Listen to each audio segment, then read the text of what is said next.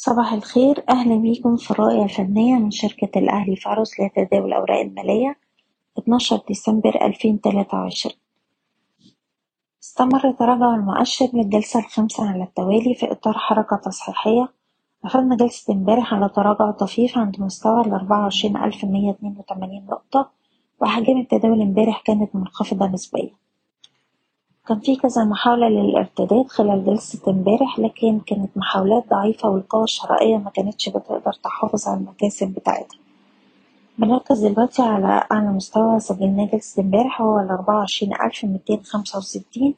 لو قدرنا نتجاوز الأعلى في الحالة دي هيبقى في فرصة للتجربة على مستوى المقاومة عند الأربعة وعشرين ألف سبعمية خمسة وسبعين نقطة. ومن هنا ممكن تظهر ضغوط بيعية مرة تانية. وبشكل عام أي محاولة للارتداد في الوقت الحالي بتشوفها فرص لتخفيض المراكز على مستويات سعرية أفضل. من الناحية التانية في حالة استمرار الضغوط البيعية مستويات الدعم التالية هتكون حوالين التلاتة وعشرين ألف وسبعمية.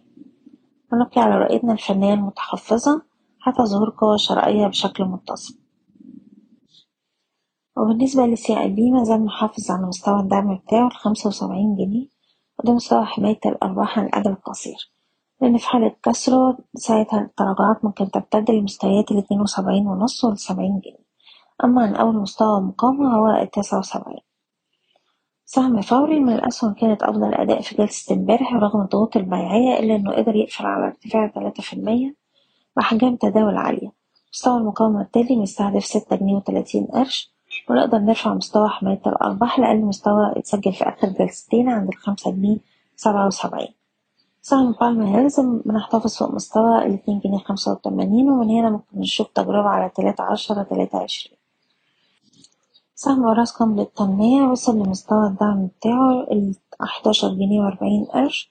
نقدر نحتفظ فوق المستوى ده ومن هنا ممكن نشوف تجربة على مستويات الاتناشر عشرة والاتناشر ونص. بشكركم بتمنى لكم التوفيق.